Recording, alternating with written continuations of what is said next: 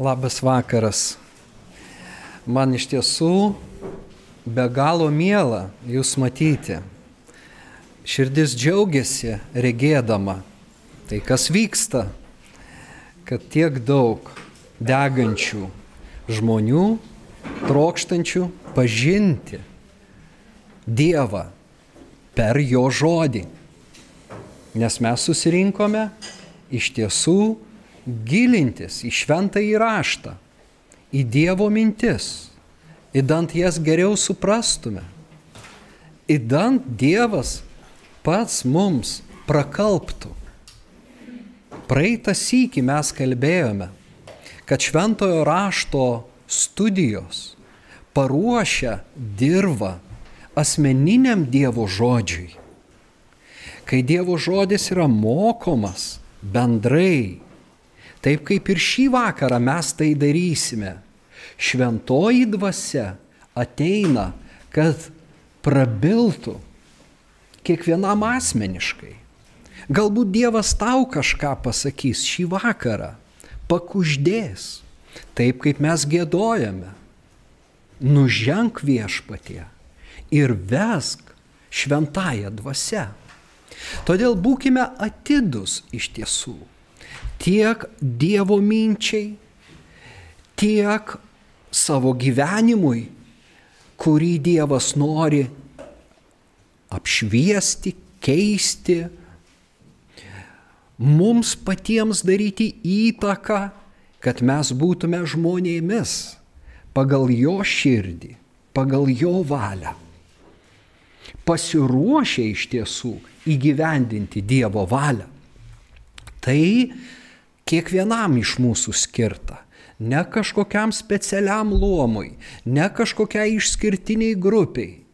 Iš tiesų visiems tikintiesiems, visiems krikščionims Dievas turi sumanimų, turi planų. Mes turime save suvokti kaip jo tautą ypatingą, išrinktą geriems darbams. Jų įvairovė apstybė, todėl kiekvienas iš mūsų labai reikalingas Dievui. Mūsų pasirinkta Evangelija, kurią mes nagrinėsime šių susitikimų metu, yra Evangelija pagal Joną. Todėl aš labai raginu skaityti ją. Skaityti namuose, skaityti prieš ateinant ir net atėjus. Labai mėla matyti, kad va, na, ne viena Biblija atversta skaityti čia, kai mes gilinamės į Dievo žodį. Šį vakar aš pasistengsiu jums parodyti, kokia graži ir erdvi yra Evangelijos pagal Joną įžanga. Mes pasižiūrėsime į prologą. Bet kadangi jisai toks platus, nemanau, kad per kartą pavyks viską jame pastebėti ir atkreipti dėmesį į visas labai svarbes detalės. Bet bent jau kažką mes tikrai įvardinsime ir pasisemsime. Skaitau Pradžioje buvo žodis. Tas žodis buvo pas Dievą. Ir žodis buvo Dievas. Jis pradžioje buvo pas Dievą. Visa per jį atsirado. Ir be jo neatsirado nieko, kas yra atsiradę. Jame buvo gyvybė ir ta gyvybė buvo žmonių šviesa. Šviesa spindi tamsoje ir tamsa jos neužgožė. Buvo Dievo siūstas žmogus vardu Jonas. Jis atėjo kaip liudytojas, kad paliudytų šviesą ir kad visi per jį įtikėtų. Jis pats nebuvo šviesa, bet turėjo liudyti apie šviesą. Buvo tikroji šviesa, kuri apšviečia kiekvieną žmogų. Ir jie atėjo į šį pasaulį. Jis buvo pasaulyje ir pasaulis per jį atsiradęs, bet pasaulis jo nepažino. Pas savuosius atėjo, o savieji jo nepriėmė. Visiems, kurie jį priėmė, jis davė galę tapti Dievo vaikais, tiems, kurie tiki jo vardą, kurie ne iš kraujo ir ne iš kūno norų ir ne iš vyro norų, bet iš Dievo užgimė. Tas žodis tapo kūnu ir gyveno tarp mūsų. Mes regėjome jo šlovę, šlovę tėvo viengimio sunaus, pilno malonės ir tiesos. Jonas apie, liudi, apie jį liudyja ir šaukia. Čia tasai, apie kurį aš kalbėjau. Tas, kuris paskui mane ateis, pirmiau už mane yra buvęs, nes jis už mane pirmesnis tikrai iš jo pilnatvės.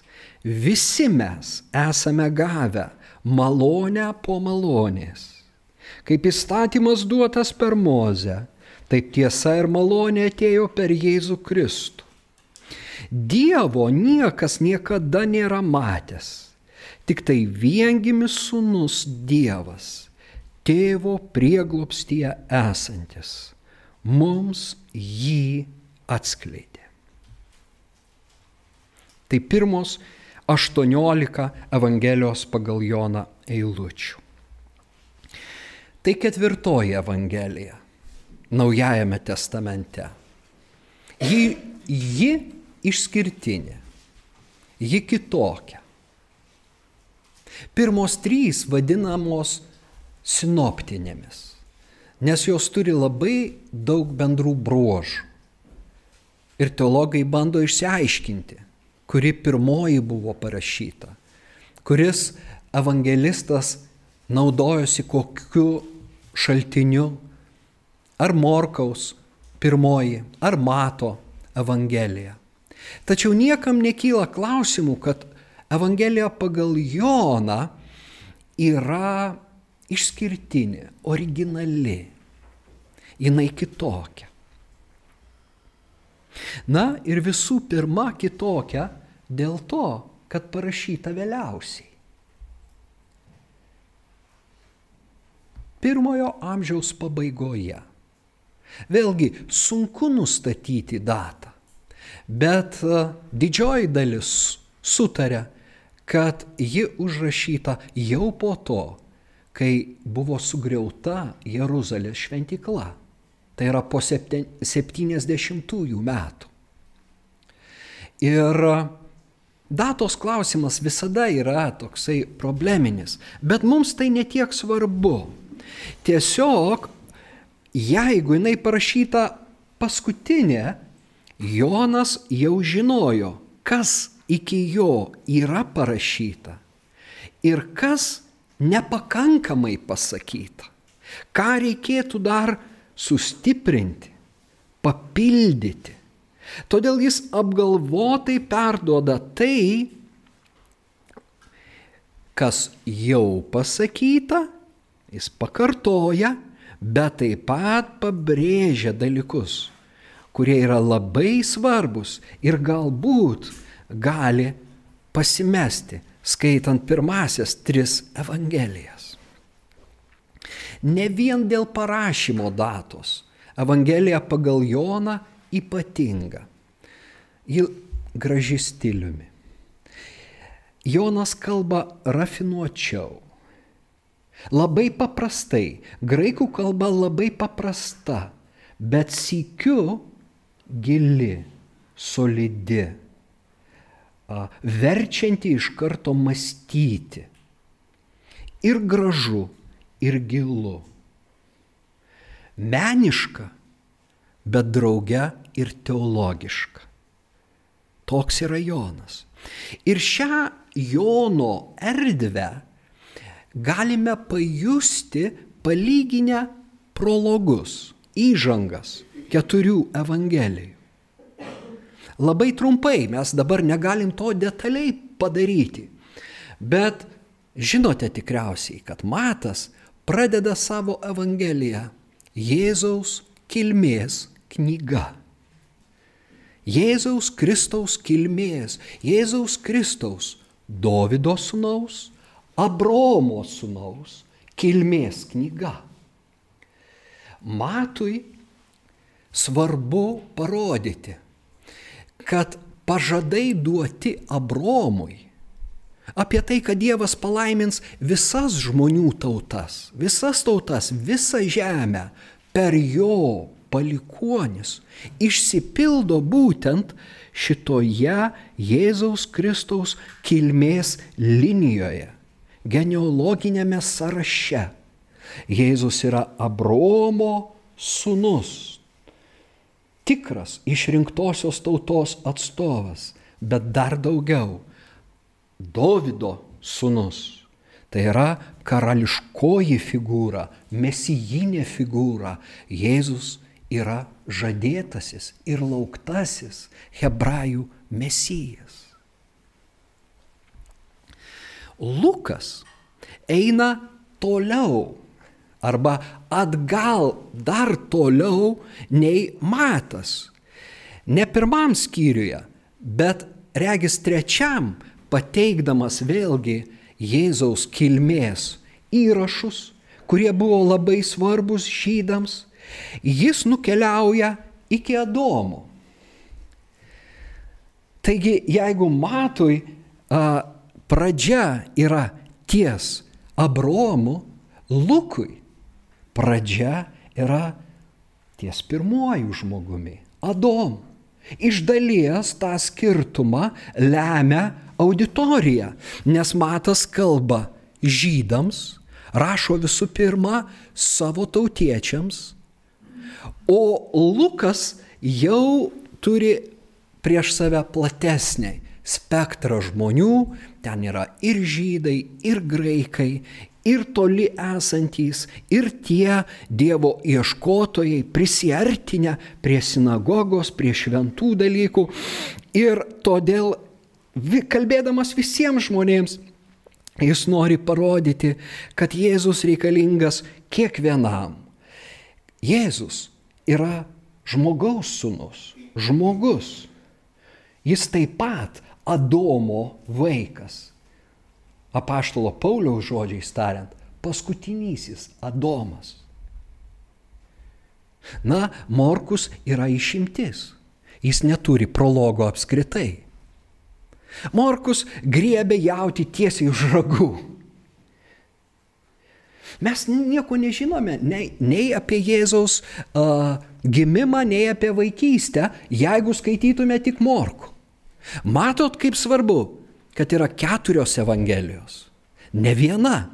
Būtų viena, jinai kažko tai nepasakytų, nes evangelistai, kad ir Dievo įkvėpti, riboti, kaip ir mes su jumis. Mes turim Dievo dovanų, tačiau atskirai riboti, o kartu plečiam savo ribas. Taip Dievas veikia per bažnyčią, per savo kūną. Morkus, taip manoma, yra daugiau ženklų, va šitai teziai pagrysti, kalba romėnų kareiviams. Kurie, reiškia, na, jis romėnams kalba, kurie neturėjo laiko įžangoms. Jiems svarbiausia buvo esmė, ką tu nori pasakyti. Žinot, ir šiandien verslus žmonės sako, tu man uh, laiko netemk, laikas pinigai. Ir, ir nekalbėk filosofiškai ir aplinkui, sakyk tiesiai, šviesiai, ko nori arba ką nori pasakyti. Morkus eina iš karto prie Jono Krikštitojo ir prie Jėzaus pamokslų, kaip jie skelbia Dievo karalystę. Ir mylimas Morkaus žodis yra elthus. Graikiškai tuoj, tuoj pat, tučtojau. Pas Morku viskas tučtojau vyksta.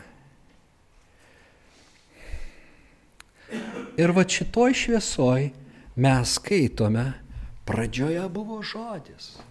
Ta žodis buvo pas Dievą ir žodis buvo Dievas. Skirtumas begalinis. Nu, didelis, ne tai, kad galbūt begalinis. Bet Jonas eina dar toliau. atgalios nei Lukas. Jis eina anapus laiko, anapus erdvės. Jis eina į pradžią. Ir be abejo, čia iš karto mes turime sąšauką su pirmąja Biblijos knyga, pradžios knyga, kuri prasideda kaip? Pradžioje Dievas sukūrė dangų ir žemę. Berešit bara Elohim et vaet haarets. Hebrajiškai. Pradžioje Elohimas, Dievas sukūrė. Kai judėjai vertė šį tekstą į graikų kalbą, jie išvertė inarchien ologos, kai ologos en proston theon, kai theos en hologos. Inarchi pradžioje buvo žodis. Čia aš paskaičiau jums Joną, šiek tiek peršokau, bet kai žydai vertė Mozę, jie pasakė enarchi hoteos anarchija pradžioje Dievas. Ir šitie pirmi du žodžiai yra identiški Evangelijoje pagal Joną. Pradžioje Dievas. Toliau jau lyginam ir matome skirtumus. Jeigu mozei Dievas yra veikiantis, pradžioje Dievas sukūrė, Taigi Senasis testamentas pradeda atskleisti Dievo sutvėrėjo, Dievo kurėjo paveikslą. Ir skaitydami Senąjį testamentą, ypač psalmės, ne tik pradžios knygo, mes sužinome, kad Dievas visą sukūrė. Visa, kas yra žemėje.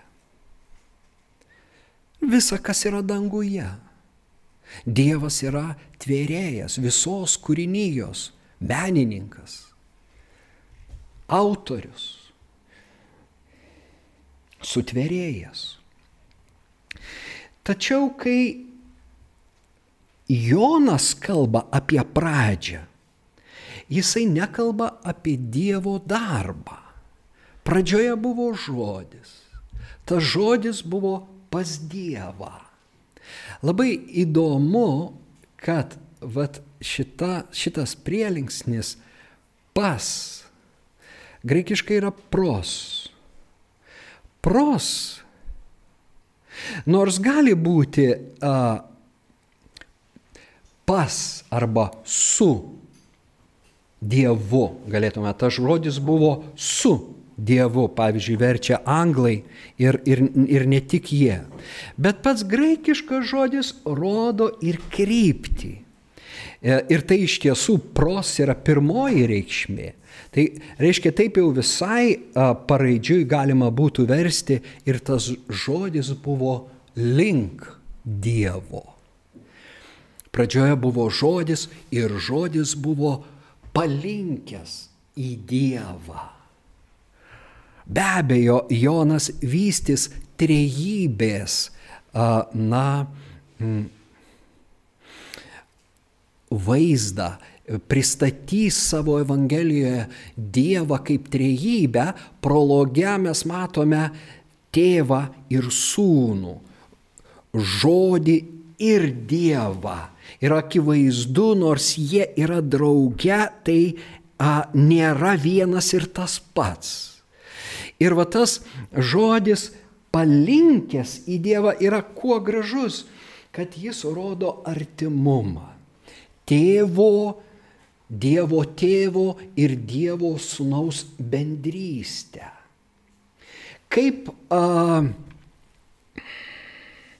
kaip toks atšvaitas toliau Evangelijoje bus epizodas Jėzaus mylimo mokinio Jono, greičiausiai Jono šios Evangelijos autoriaus, a, ir jo paties epizodas paskutinės vakarienės metu, kai Jonas yra priglaudęs a, savo galvą prie viešpaties krūtinės, prie Jėzaus krūtinės. Tas va link, priglaudęs.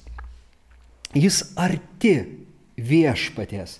Yra ypatingas santykis tarp Jėzaus ir jo mylimo mokinio Jono. Tai beje dar viena priežastis, kodėl ši Evangelija kitokia. Ji parašyta iš meilės, iš gilaus pažinimo, iš tos tikros bendrystės su Kristumi. Autorius yra persisunkęs Kristaus širdimi, jausmais, mintimis. Ir todėl, kai jis kalba, jis mus taiga pagauna nepasiruošusius, nes mes gyvename šiame pasaulyje, kuris yra kitoks. Mums uh, yra daug įvairiausių rūpešių, kurie temdo mūsų žvilgsnius ir e, temdo mūsų ta, gožę šio pasaulio triukšmas, Dievo širdies plakimą, Dievo žodžių reikšmę. Bet Jonas yra palinkęs prie Kristaus krūtinės. Iš tos vat, padėties jis kalba kitiems. Ir todėl mes įsisakom, wow, kokia šita Evangelija kokia jinai saldi, kokia jinai nuostabi ir koks Dievas, kurį jinai apreiškia, yra geras, gražus.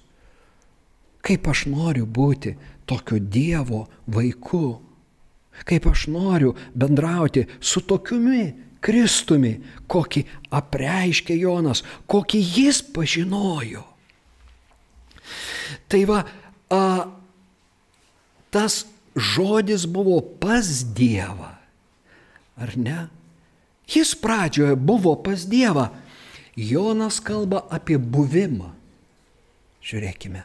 Jonas kalba apie artumą. Mozė kalba apie darbus.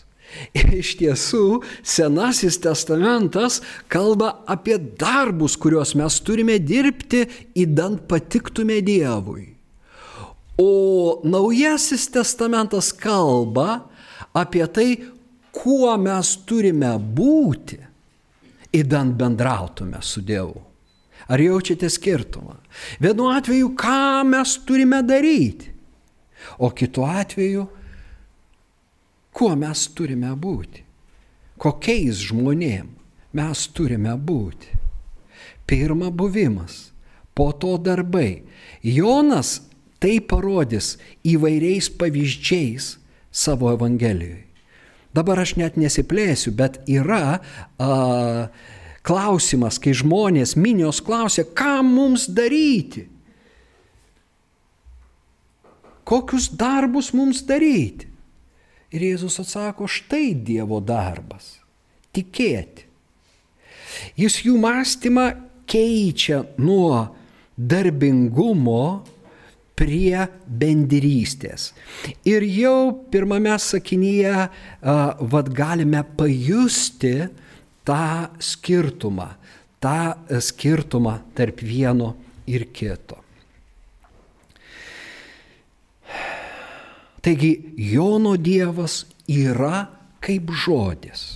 Ir mes tuoj pašnekėsime apie tą žodžio koncepciją, logos, logo koncepciją, kurią Jonas uh, pasitelkia. Bet uh, aš norėčiau dar pa, pa, paminėti vat tai, kad uh, pirmasis Dievo veiksmas, kurį Jonas užrašo, yra Dievo sunaus ateimas į pasaulį. Pradžioje buvo žodis ir tada jau 14 eilutėj jisai pasako ir tas žodis tapo kūnu ir gyveno tarp mūsų. Jis atėjo atėjo į šį pasaulį. Štai skirtumas. Ne, reiškia, Dievas vėl kažką daro. daro vėl, bet tas vėl yra sunaus ateimas. Yra nauja pradžia. Dievo sunaus ateimas į pasaulį, tarsi norėtų pasakyti Jonas, yra svarbesnis už pasaulio sukūrimą. Be abejo, visa per jį atsirado ir be jo neatsirado, be Dievo sunaus, be žodžio, neatsirado nieko, kas yra atsiradę, bet jo ateimas į tą erdvę, kurią jis pats sukūrė, yra svarbesnis, didesnis, pranašesnis. Ir pranašesnis dėl to, kad jis atėjo atskleisti Dievą, parodyti mums, koks yra Dievas. Štai, ką nori pabrėžti Jonas nuo pat pradžios. Senojo testamento šventieji, pradedant Mozę, ilgėjosi, prašė, meldė, Mozė prašė, Dieve parodyk man savo veidą. Ir Dievas sako, mano veido nematysi, nes nėra žmogaus, kuris pamatytų mano veidą ir gyventų. Ir ten Gedeonas buvo toks teisėjas, jis išsigasta, mm, kai Dievo angelas pas jį ateina, jis sako, aš pamačiau Dievą, aš mirsiu. Tai nebuvo Dievas, tai buvo tik Dievo angelas, bet ta šlovė, kurią jis spindėjo, dangiška šlovė, visa pranoksanti šlovė, jam jau atrodė, na, kaip, diev, kaip pats Dievas, o Dievas dar pranoksta savo angelus savo šlovę tai mes galime įsivaizduoti. Todėl Senojo testamento suvokimas yra toks. Dievo neįmanoma pamatyti nemirus. Dievo niekas niekada nėra matęs. Ir Jonas tą pasako, jis patvirtina, Dievo niekas niekada nėra matęs, tik tai viengimis sunus Dievo prieglopstyje esantis mums jį atskleidė, apreiškė, parodė, koks yra Dievas. Vėlgi ta gyja bus vystoma toliau Evangelijoje, na, kad ir tuose žodžiuose, kai Jėzus sako, ir kas mane mato, mato tą, kuris mane siunti. Ir vienas iš mokinių, berots Pilypas, sako, viešpatė, parodyk mums tėvą ir gana. Ir sako, Pilypai, aš tiek laiko su jumis ir tu manęs dar nematei. Parodyk mums tėvą, aš ir tėvas esame viena. Žiūrėkime, kaip Jonas masto ir kaip jisai, na, mums tapo Jėzaus portretą. Jėzus ateina ir tai yra pats didžiausias darbas iš visų, didesnis, svarbesnis už visato sutvėrimą, ateina, kad parodytų mums Dievą, kad mes nebeprašytume kaip Senojo testamento šventieji, parodyk viešpaties save. Mes nežinom, koks tu, mes nežinom, į ką tu panašus po Jėzaus ateimo nebegali būti šitų klausimų, nes jis atskleidė, koks yra Dievas. Vienintelė galimybė likti nežinioje - tai neskaityti Evangelijų, nematyti sunaus paveikslo arba matyti jį iškreiptai per kažkokius tai jau akinius, per kažką tai. Bet jeigu mes skaitom atvirą širdim, atvirų veidų, mums nebekyla klausimų, koks yra Dievas. Ir Jonas jau savo laiškuose tai pasako labai paprastai. Dievas yra meilė. Dievas yra meilė. Ir kas myli, tas pažįsta Dievą. Štai Jėzaus Dievo sūnaus ateimo tikslas.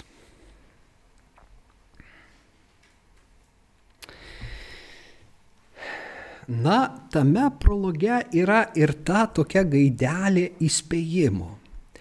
Jonas realistas. Jisai žino istoriją, iš tiesų jis dalyvavo visame tame ir jis sako, jis buvo pasaulyje. Pasaulis per jį atsirado, bet pasaulis jo nepažino.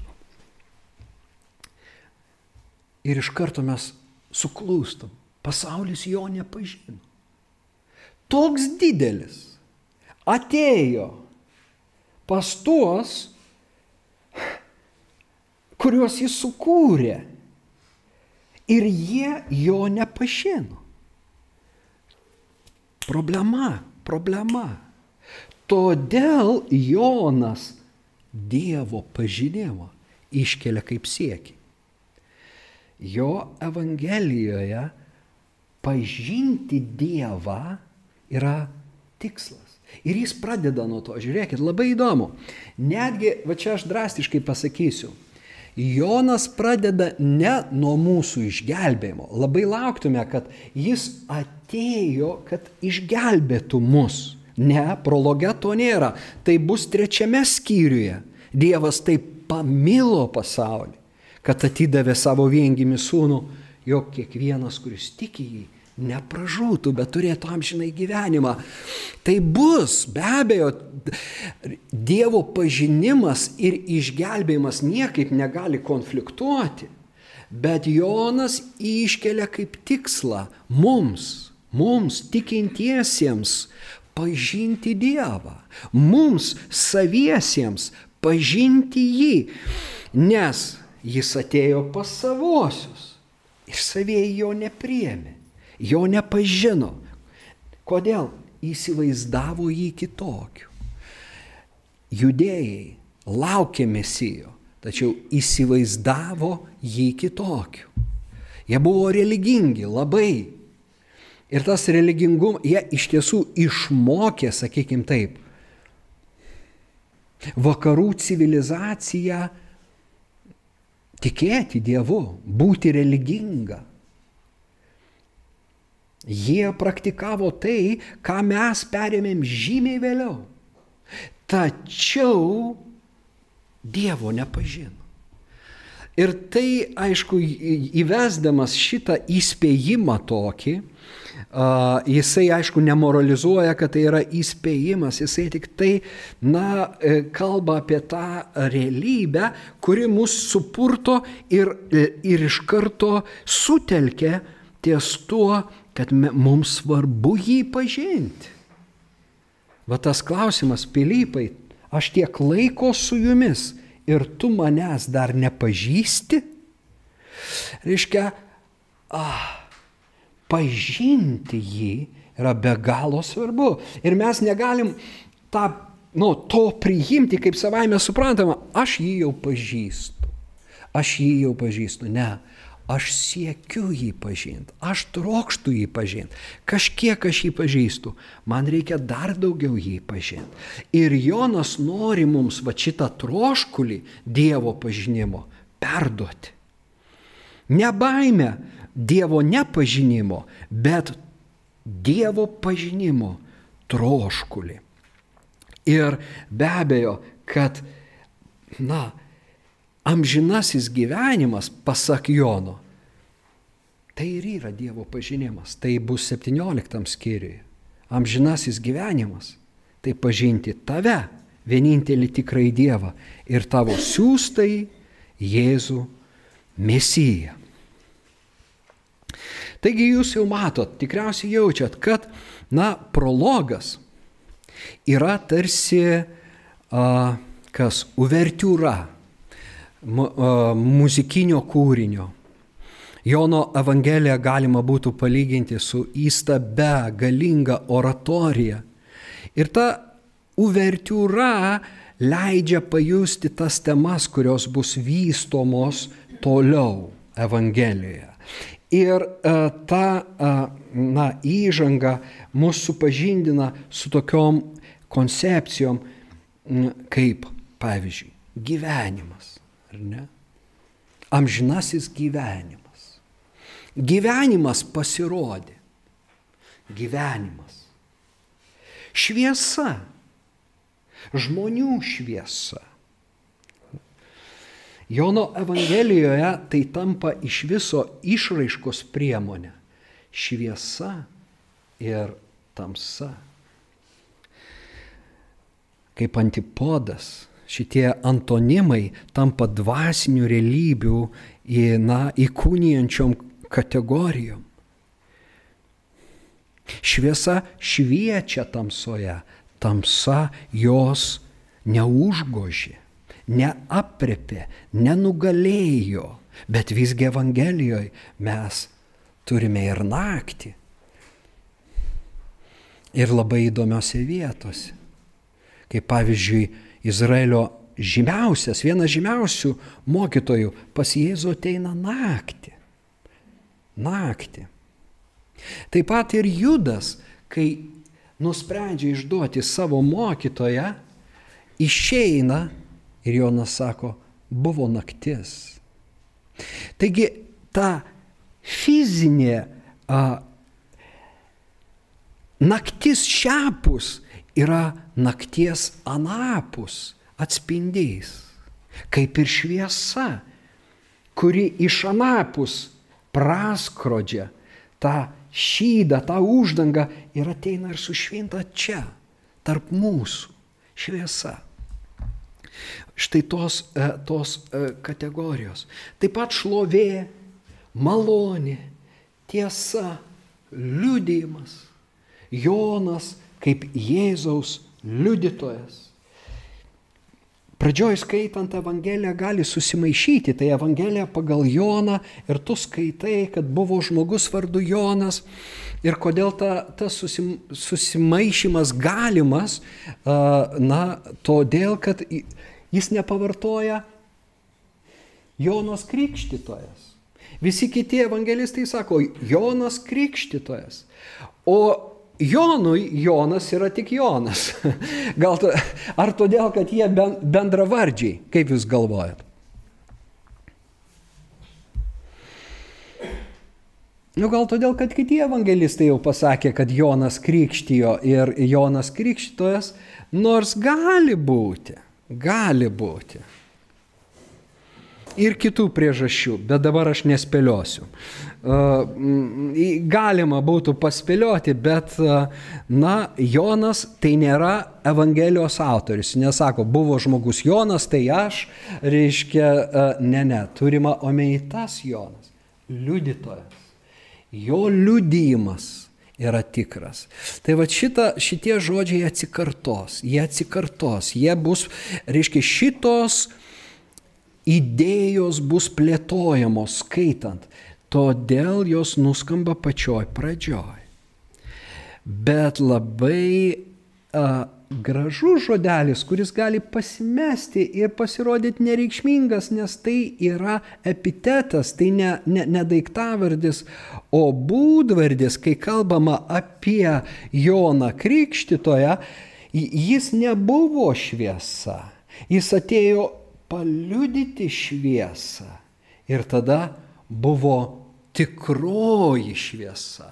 Žiūrėkim, va šitas žodelis - tikroji, tikrasis atsikartos Evangelijoje. Ne kartą. Jėzus sakys, aš tikroji duona. Ne mozė davė jums duonos iš dangaus bet Dievas duoda jums tikrą duoną. Vėl labai vaizdingai jis pasakys, aš esu tikrasis vynmedis. Tikrasis. Vynmedžio metafora ir įvaizdis Senojo testamento pranašų plėtojamas žydams buvo pažįstamas vynmedis, tai yra Izraelis jų, jų sumanimų ir štai e, jų manimų. Ir Jėzus sako, tikrasis vynmedis esu aš. Tiksliau sakant, Jonas mums primena šitos Jėzaus žodžius. Tikrasis, tikroji dona, tikrasis vynmedis. Nu, kas dar, e, kas skaito uh, Jono Evangeliją, pažįsta man dar kokį nors žodžių junginį su tikrasis arba tikroji pasakys. Ganytojas, aš tikrasis ganytojas. Vat galvoju, tikriausiai yra. Patikrinsim, ateisim, dešimtas skyrius. Bet tikrai yra, žinot kas? Tikrasis Dievas. Tai tikrasis Dievas. Ir žinot, kas dar yra? Tikrieji garbintojai. Mhm. Jūs matot, taigi tas žodelis, ką mums pasako, kad Jonas buvo susidūręs. Jau apaštališka bažnyčia susiduria su kuo? Su tikrais dalykais ir su surogatais arba padirbtais. Tai, kas panašu į tikrą, bet nėra tikra. Tai, kas pristatoma kaip tikra, bet visgi niekaip neprilyksta tam, kas yra tikra. Todėl Jonas pabrėžia, kad tai, ką aš jums kalbu, yra tikra.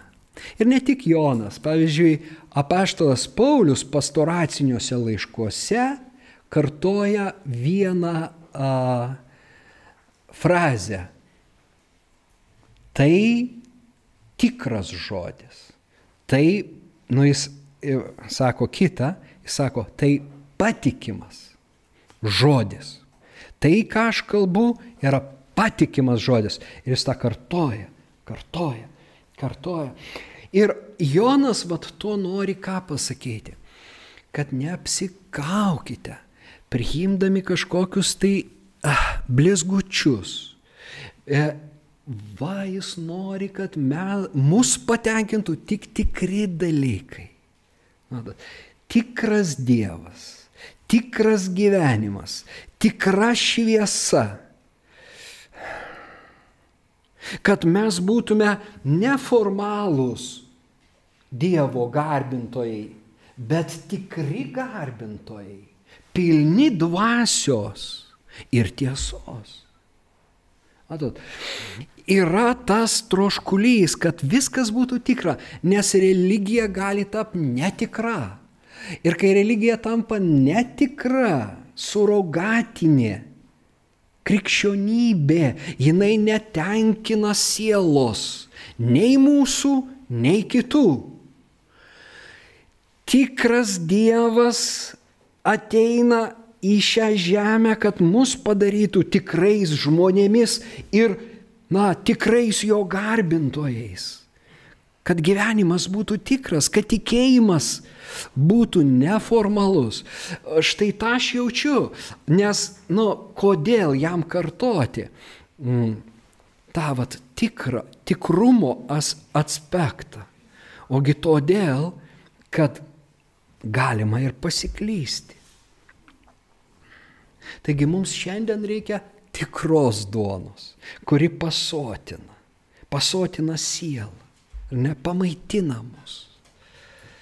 Štai tokia malda yra, kad šitie vakarai taptų tą tikrą duoną. Aš išeinu ir aš jaučiu pasisotinęs, mane pa, pamaitino, mane sustiprino. Dievas yra, na, man jie ir aš Dieve, mes kartu. Tai taip nuostabu. Ir kartais nemažai laiko praeina, kol mes suvokiame va tuos tikrus ir netikrus dalykus. Laiško hebrajams autorius sako, pojūčiais išlavina tie brandus tikintis. Po išlavina savo pojūčius, kad atskirtų tikrą nuo netikro, melą nuo tiesos. O tą išlavint save. Nes yra daug netikrų dalykų, kurie pateikiami, va, tai tikra ir tu valgai, valgai, kurį laiką valgai, valgai, valgai tam tikras, na, klišes, tam tikras doktrinas, tam tikrus. Ir siela tik tuštėja, tuštėja ir tu sakai, ne, aš noriu tikro, kas mane pamaitins. Ir kai tu už žodį pasisotinį vieną kartą, sakai, dabar aš jau žinau, aš, aš šito maisto ir noriu. Nu, kaip ir, žinote, tos skirtingus restoranus. Vat, atėjus palangoje yra puikus restoranas, visi jį žinot. Apetitas.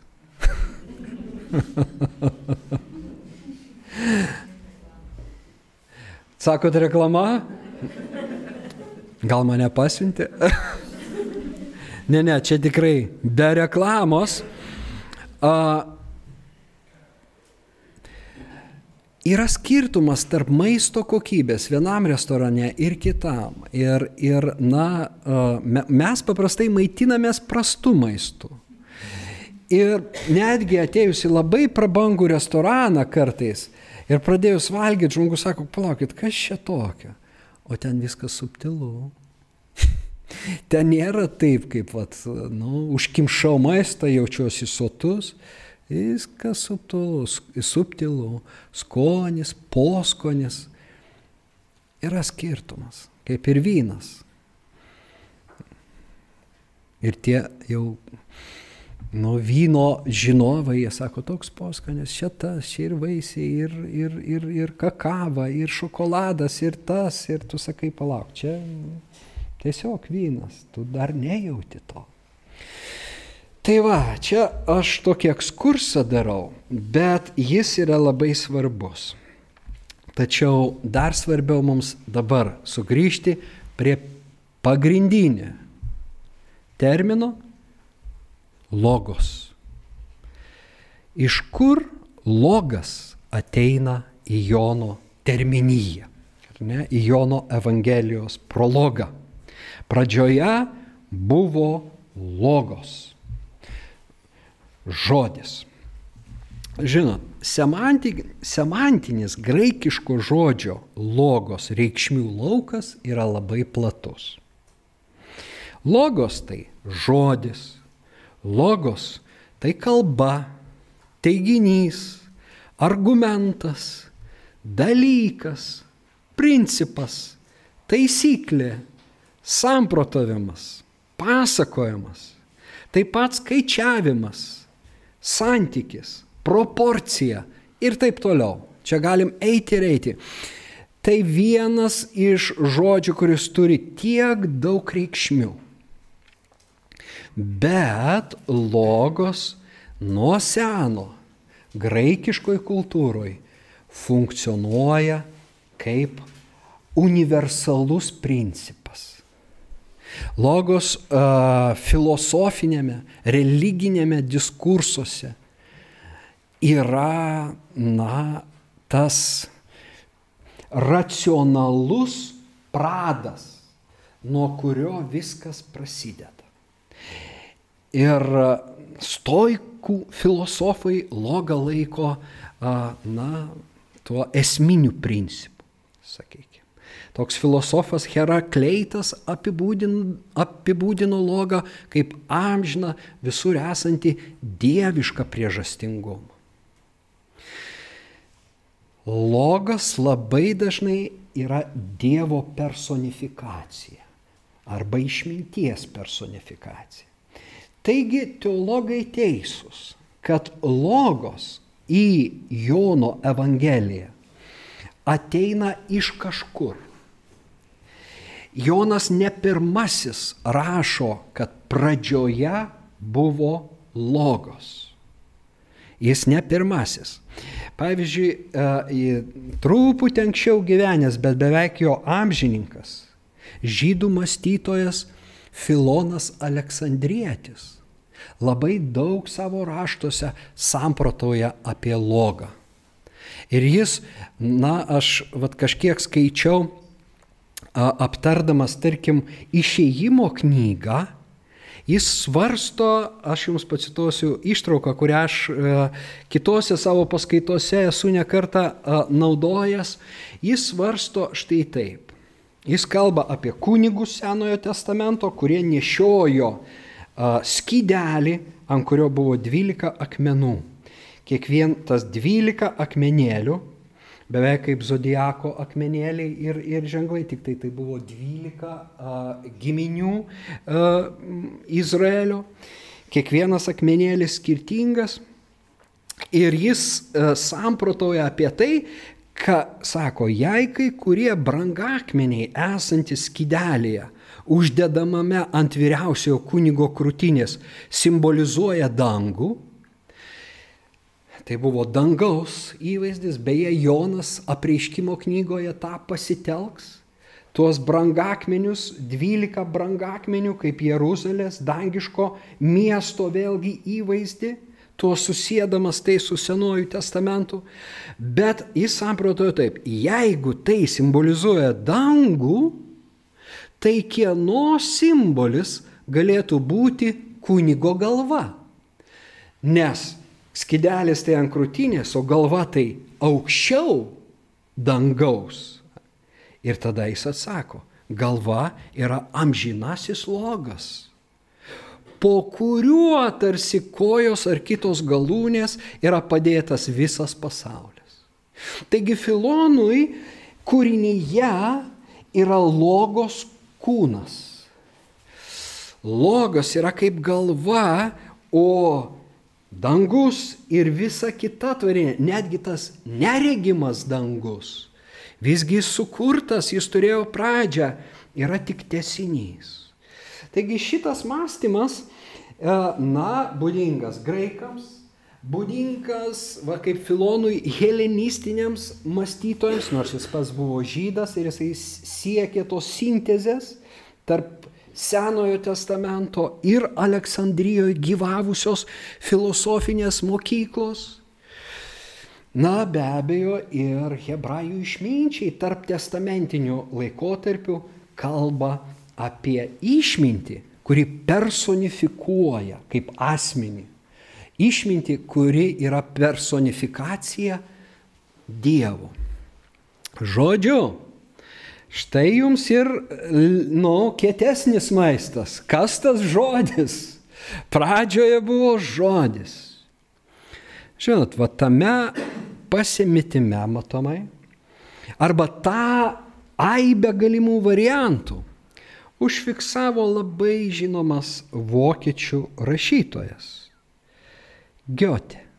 Johanas Volganas Giotė, kurio šedevras Faustas yra išverstas ir lietuvių kalba. Ir aš jums pacituosiu tą ištraukėlę, Kūrinys parašytas XIX amžiaus pro, uh, pradžioje, laikomas magnum opus, na, ryškiausių uh, Giotės kūrinių, uh, Bet jis ieško, jis iš tiesų ieško autorius. Ir, ir na, Dievo, ir tas Faustas, nors jis ten uh, ir parduoda savo sielą velniui, jeigu kas esate skaitę. Antroji daly visgi e, viskas kitaip pakrypsta. Žodžiu, tai nėra vien tik demoniškas Faustas. Ten, ten reiškia, pasimetęs agnostikas ieškantis tiesos. Tai va, ir šitas agnostikas sako, gaivi versmė išseko vėl staiga. Tačiau juk tai pataisoma spraga į šalį sielvartą mes vejam, paguodos ieškomės apreiškime šventajam. Naujajame testamente, kuris tarytum stebuklingas žiburys iš tolo šviečia. Tad pirmoji eiliai aš atsisėsiu prie originalo ir be jokios klastos ir melo į kalbą gimtają išversiu jį tiksliai. Iš pradžių buvo žodis. Ką tai reiškia? Šio posakio prasme labai neaiški. Ir tuo būdu jo perteikti nevalia, kadangi žodžio magiška gale aš netikiu. Ten pasakyti norėta, jog pradžioje, jog buvo pradžioje mintis. Tik neskubėk, ramiau išlėto, nes vienas riktas viską pražudys. Savaime juk mintis negimsta niekur. Jėga iš pradžių buvo, štai esmė kur. Sprendimą radęs, plunksnos jau įmos, bet vėl ryškėja mano paklydimas ir kušta balsas man iš sielos gilumos. Pirmiausia, veiksmas buvo štai vertimas. Logos, jūs matot. Tiek daug talpina savyje. Tarp kitko, kaip ir hebrajiškas davar, jis gali reikšti ir žodį, ir daiktą, ir žodį, ir dalyką. Žodis tampa kūdu, tas virsmas. Ir minti, tai labai teisinga, tai tas vat, racionalusis pradas. Bet ir kūryba, veiksmą. Dievo žodžius sukurti dangus, visa jų galybė. 33 psalmė. Taigi tai labai platus konceptas ir žinot ką, aš savo hipotezę pateikiu, bet uh, labai panašu, kad Jonas neima kažkurio tai vieno, ar ne, šaltinio. Na, sakykime, nepanašu, kad jisai labai rūpintųsi ir būtų giliai studijavęs graikų filosofiją. Nors uh, Romėnų imperija buvo helenizuota ir, ir uh, vėlgi, apie autorystę galbūt kokį kitą kartą bent kažkiek aš pasamprotausiu arba jūs supažindinsiu, šį kartą ne. Bet, bet kažkiek jis galėjo žinoti ir būti susidūrę su graikiška mintim. Kur kas panašiau, kad Filonas buvo jam pažįstamas, galėjo būti na, tie raštai vienu ar kitu būdu jį pasiekia.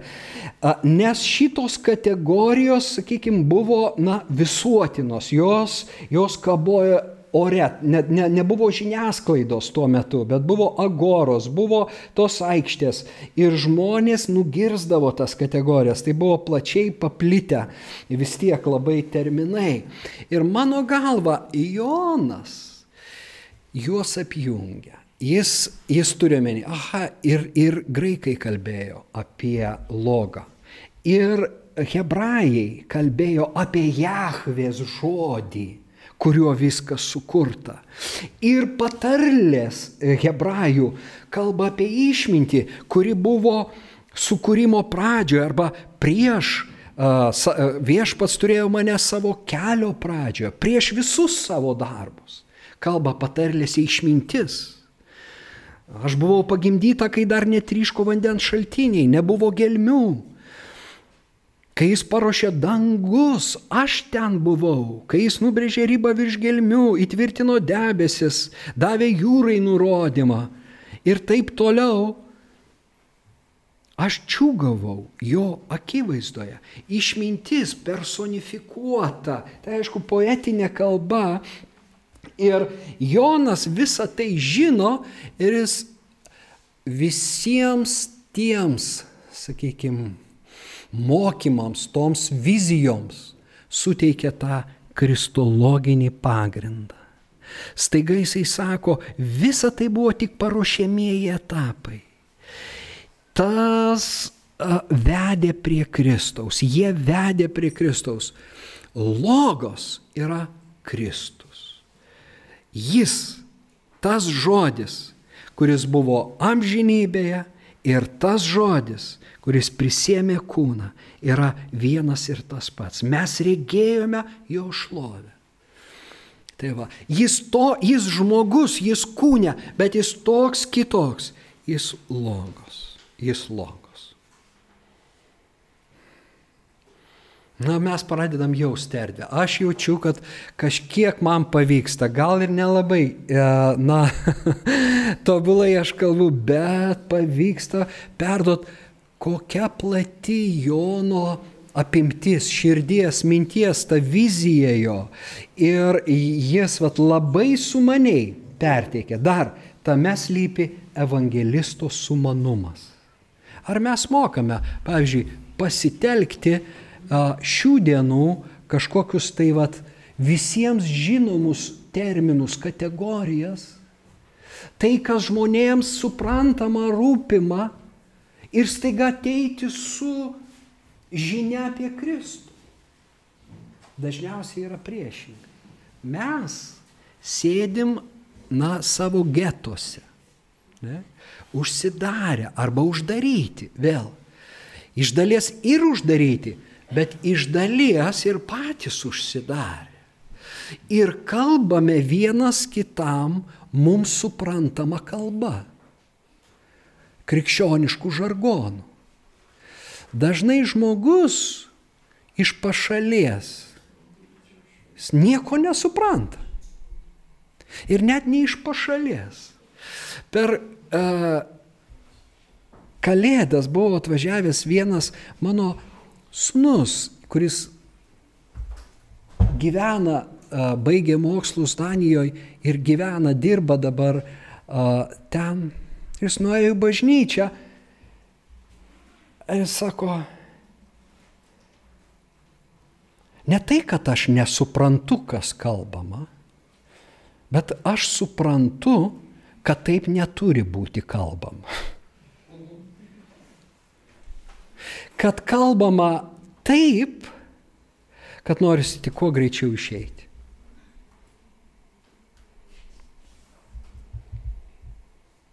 Puikus vaikas. Aš nemanau, kad su juo blogai. Aš sakyčiau, labiau gal su mumis blogai. Kaip vat ta kalbėti, kad tai rezonuotų? Mes turim kartais keisti ir žargoną. Tai yra tas klišes, kurios mums kažką reiškia, kitiems jos nieko nebereiškia. Iš čia, žinokit, yra tos paieškos, vad, naujus vertimus. Ir aš pats dirbu prie naujo lietuviško vertimo. Idėja yra ta, kad tai pasakyti, na, kitaip šiek tiek. Vėlgi nenutolstant nuo teksto, bet kai kuriuose vietose jau mes net tiesiog nebemastom, kažkas pasakyta. O naujas vertimas taiga sako, o čia pasirodo taip yra ir tada atsiveria naujas supratimas. Šita prasme Jonas mums visiems yra pavyzdys. Jis kalba taip, žiūrėkim, kad jis pagauna širdis dar ir šiomis dienomis, dar iki šių dienų. Jis vis rezonuoja, jis labai stipriai kalba. Ir mes turėtume ieškoti, turiuomenį tie, kurie skelbiam Dievo žodį, tie, kuriems patikėta nešti Dievo mokslą žmonėms. Turėtume jį nešti tokiu būdu, kad jis pakerėtų, jisai turėtų dėmesį, kad žmogus tokia suklustų, o, palauk, tai čia apie tai, tai šitie mano egzistenciniai klausimai pasirodo turi savo išrišimą Kristuje. Tai Kristus nėra vien tik ta religinė figūra, tolima mano šeimoje niekas netikėjo. Ką bendro tai turi su manim, bet staiga žmogus sako, o pasirodo tai bendro. Štai kaip Jonas kalba.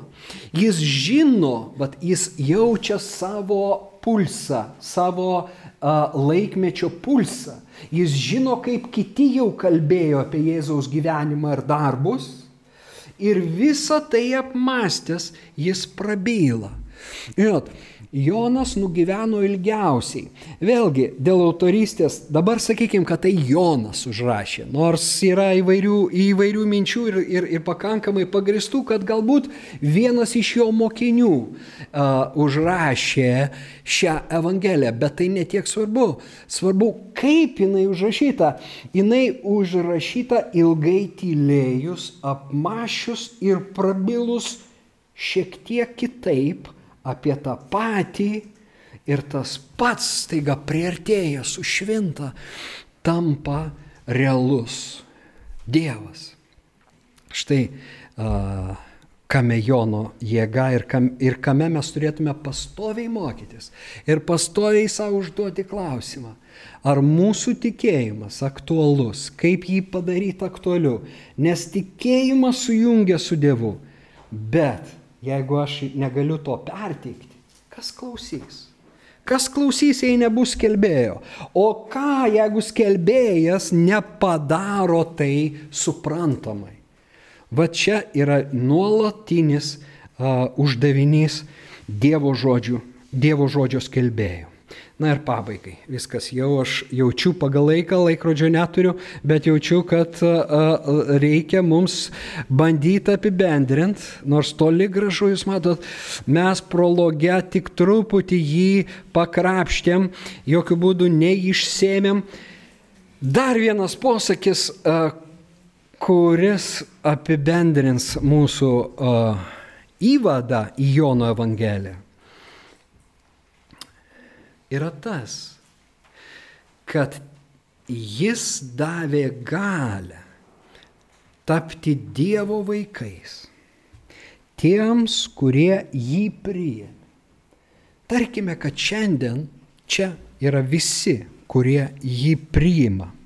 Jeigu yra tų, kurie dar nesate jo priėmę, šiandien galite tiesiog pasakyti, Jėzau, tikrai tu man reikalingas, ateik į mano širdį. Ji neuždara, o atvira tau. Tiems, kurie jį priėmė, jis davė galę tapti Dievo vaikais, tiems, kurie tiki jo vardą. Žiūrėkime, dabar ateina Dievo gale, bet Dievo gale naujai kūriniai. Jeigu Mozė parodo Dievo galę senajai kūrinyjei, tai Jonas parodo Dievo galę naujai kūrinyjei, naujam žmogui, nau, naujo tipo žmonėms, kurie ne iš kraujo, ne iš kūno norų, ne iš vyro norų, bet iš Dievo yra gimę. Jūs matot, tai naujos kūrinijos pradžia, nauja kūrinyje yra Jono Evangelijos pradžioje. Ir mes tampame tos naujos kūrinijos dalimi, taip kaip tapome šios kūrinijos dalimi - gimimu gimdami į pasaulį, ateidami į pasaulį. Bet dabar jau Dievo gale tam, kad mus atgimdytų. Ir apie tai bus kalbama trečiam skyriui, ketvirtam. Tai tas atgimimo, atgimimo momentas, jis bus dar partuliojamas, paaiškinamas, bet jau čia pasakyta, kad jis davė galę gimti. Kam? Tiems, kurie tiki jo vardą. Kelias toks paprastas, kelias toks paprastas - tikėti Jėzaus vardu. Štai tikėjimas, žiūrėkime, sudaro inklusijo. Taip vadinama išraiškos priemonė. Jis yra pradžioj ir pabaigoj. Šiaip nedaroma tai, bet aš padarysiu, jūs atleiskit. Nu, kai knyga perverčiama ir kažkas paskaitoma iš galo. Reiškia, bet mes studijuojam. Todėl tai ne detektyvas ir ne romanas, nors kažkiek tai yra, kaip sako šiandien, spoileris, ar ne? Sugadinimas, reiškia, tiems, kurie norėtų, nežino, kuogi baigsis tas filmas ir, ir dabar kažkas pasako. Tai va, tai Evangelijos pabaigoje Jonas sako, savo mokinių akivaizdu Jėzus padarė dar daugel kitų ženklų kurie nesurašyti šitoje knygoje. O šitie surašyti, kad tikėtumėte. O šitie surašyti, kad tikėtumėte, jog Jėzus yra Mesijas, Dievo sūnus ir tikėdami turėtumėte gyvenimą per jo vardą. Jono Evangelijos tikslas, kad mes tikėtume kad mes tikėtume. Tikėjimo rezultatas - gyvenimas.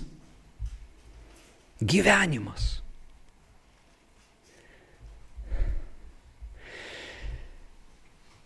Mes ne tik gyvename, įdant įtikėtume, bet mes tikime, įdant gyventume. Aleliuja. Nuostabi perspektyva.